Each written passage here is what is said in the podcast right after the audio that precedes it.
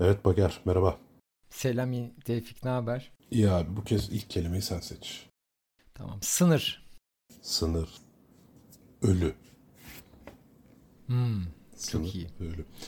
Ya bu ülkelerin sınırlarını çizerek vize verme, sınır kontrolü ne zaman başladı acaba tam olarak? 20. yüzyıl hikayesi canım. Yani hatta bu Türkiye'de de şey çekti ya filmini. Ee, Sinan Çetin'in bir tane filmi vardı.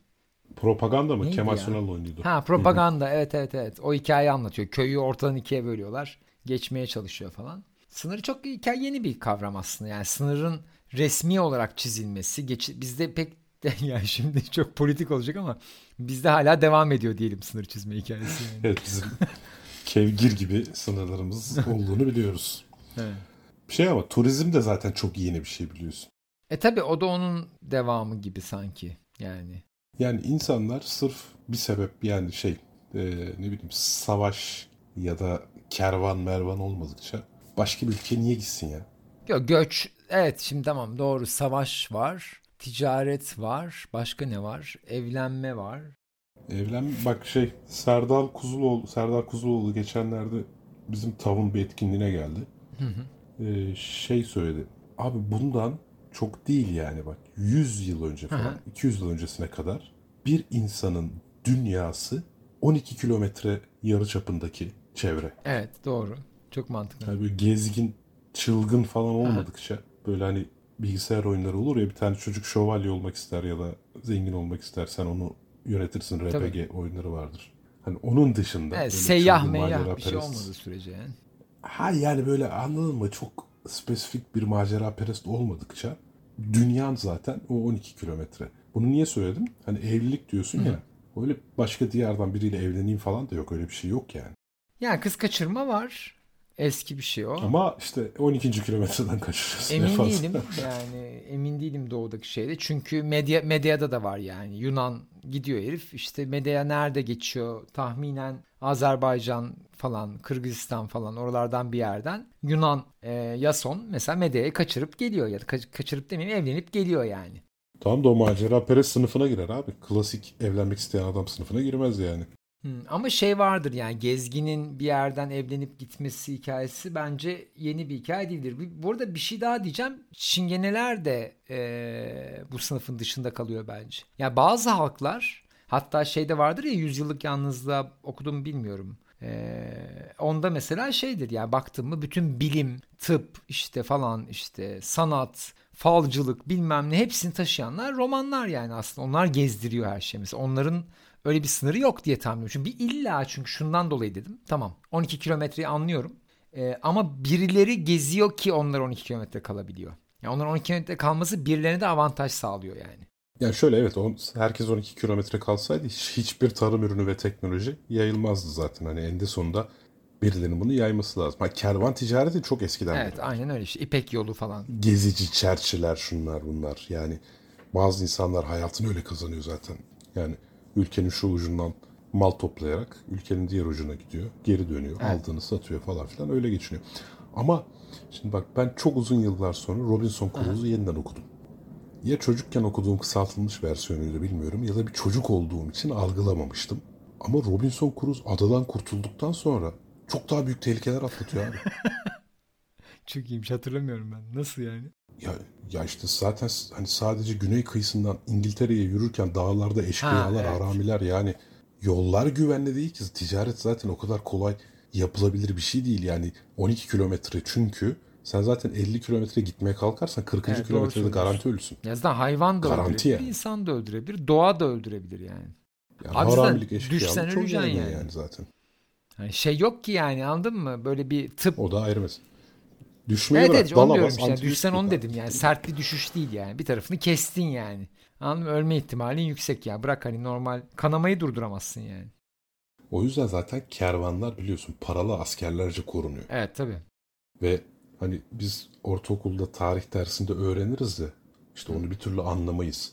Neden Selçuklu hanlar ve kervansaraylar yaptığı için şeyde vardı bu yeni dizilerden birinde tam o hikayeden bahsediyordu bu şeyde TRT'de çok fazla o dönemin dizileri çıkıyor ya. Tam o hikayelerden bahsediyor böyle. Ha, Yani o şeyi tutmak, güvenliği tutmak, satışı güvenli kılmak. Yani o biraz aslında şey yani tüccar sınıfı korumak, ondan vergisini almak falan bir tür hikaye. Yani yolları emniyetli hale getireceksin ki mal akışı. İşte devletin sağlansın. çıkışı zaten aşağı yukarı bu dediğin şeyden geliyor. Ama ben şimdi konuyu yine şeye çekeceğim. Yani ölüm sınır güzel bir konu ve direkt çağrıştıran bir şeyi atladık orada. Yani ölme anını anlamak istedim ben. Benim aklıma ilk o geldi çünkü. Ha. Yaşamın sınırı Evet. nerede biter, ölümün sınırı nerede başlar? Çünkü ya ölüm deyince illa insan da olmak zorunda değil. Ee, bu şey vardı hatta Flatliners mıydı? Bir film vardı. Tam bununla ilgileniyor işte. Ölüm anını yakalamaya çalışıyorlar falan. Ben mesela uyku anını yakaladım. Bak anlatayım o çok ilginç bir hikaye. Ee, kaç yaşındayım? 24-25 yaşındayım abi. Uyku çalışıyorum. Bayağı çalışıyorum yani. Uykuya geçme anını yakalamaya çalışıyorum. Kendi kendime.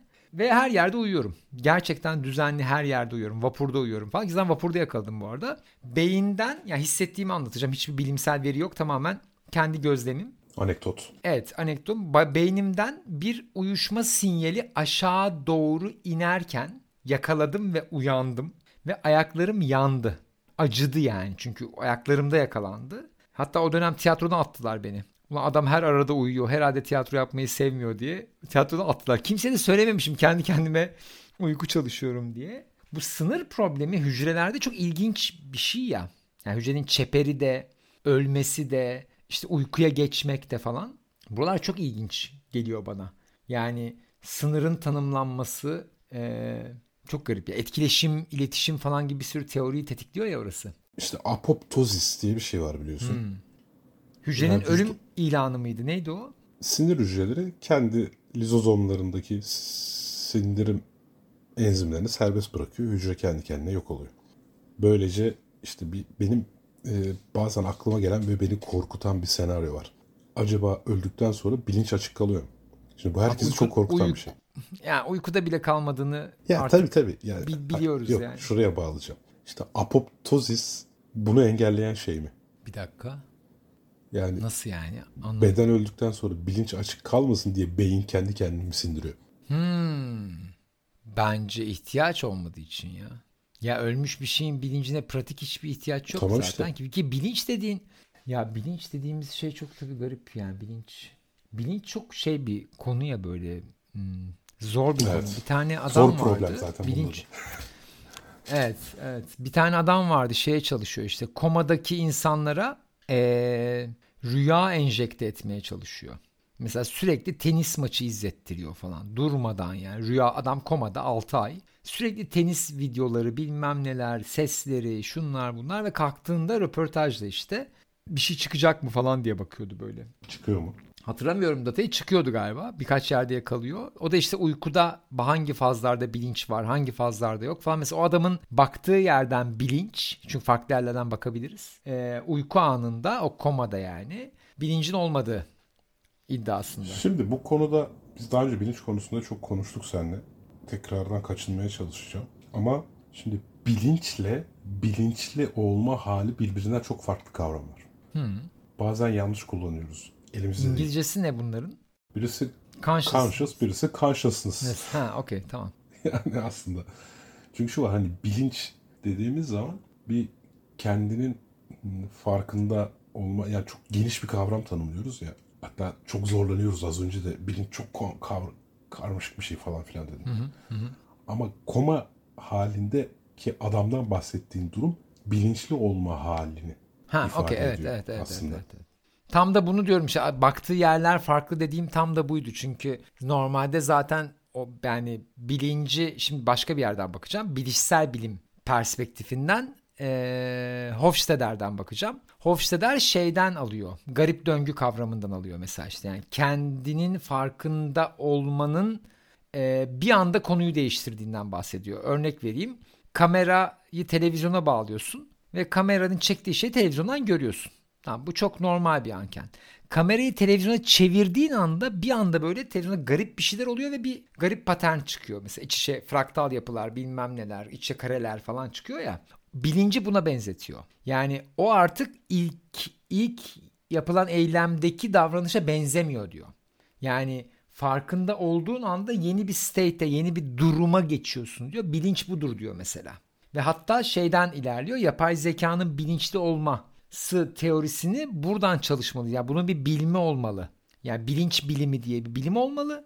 Bu tamamen kendine bakan sistemlerle ilgilenmeli. Daha çok kaos teorisi falan işte bunlara giriyor yani. Ee, o dediğin ona benziyor mesela birazcık. İkisi arasındaki fark en azından. Birisi çünkü doktor. Adam bayağı bilinci beyin hareketliliğiyle ölçüyor yani anladın mı? Onun bilinç tanımı başka yani. Diğeri ise bilinci daha kavramsal bir yerden alıyor. İkincisi daha ilginç geliyor bana tabii ki.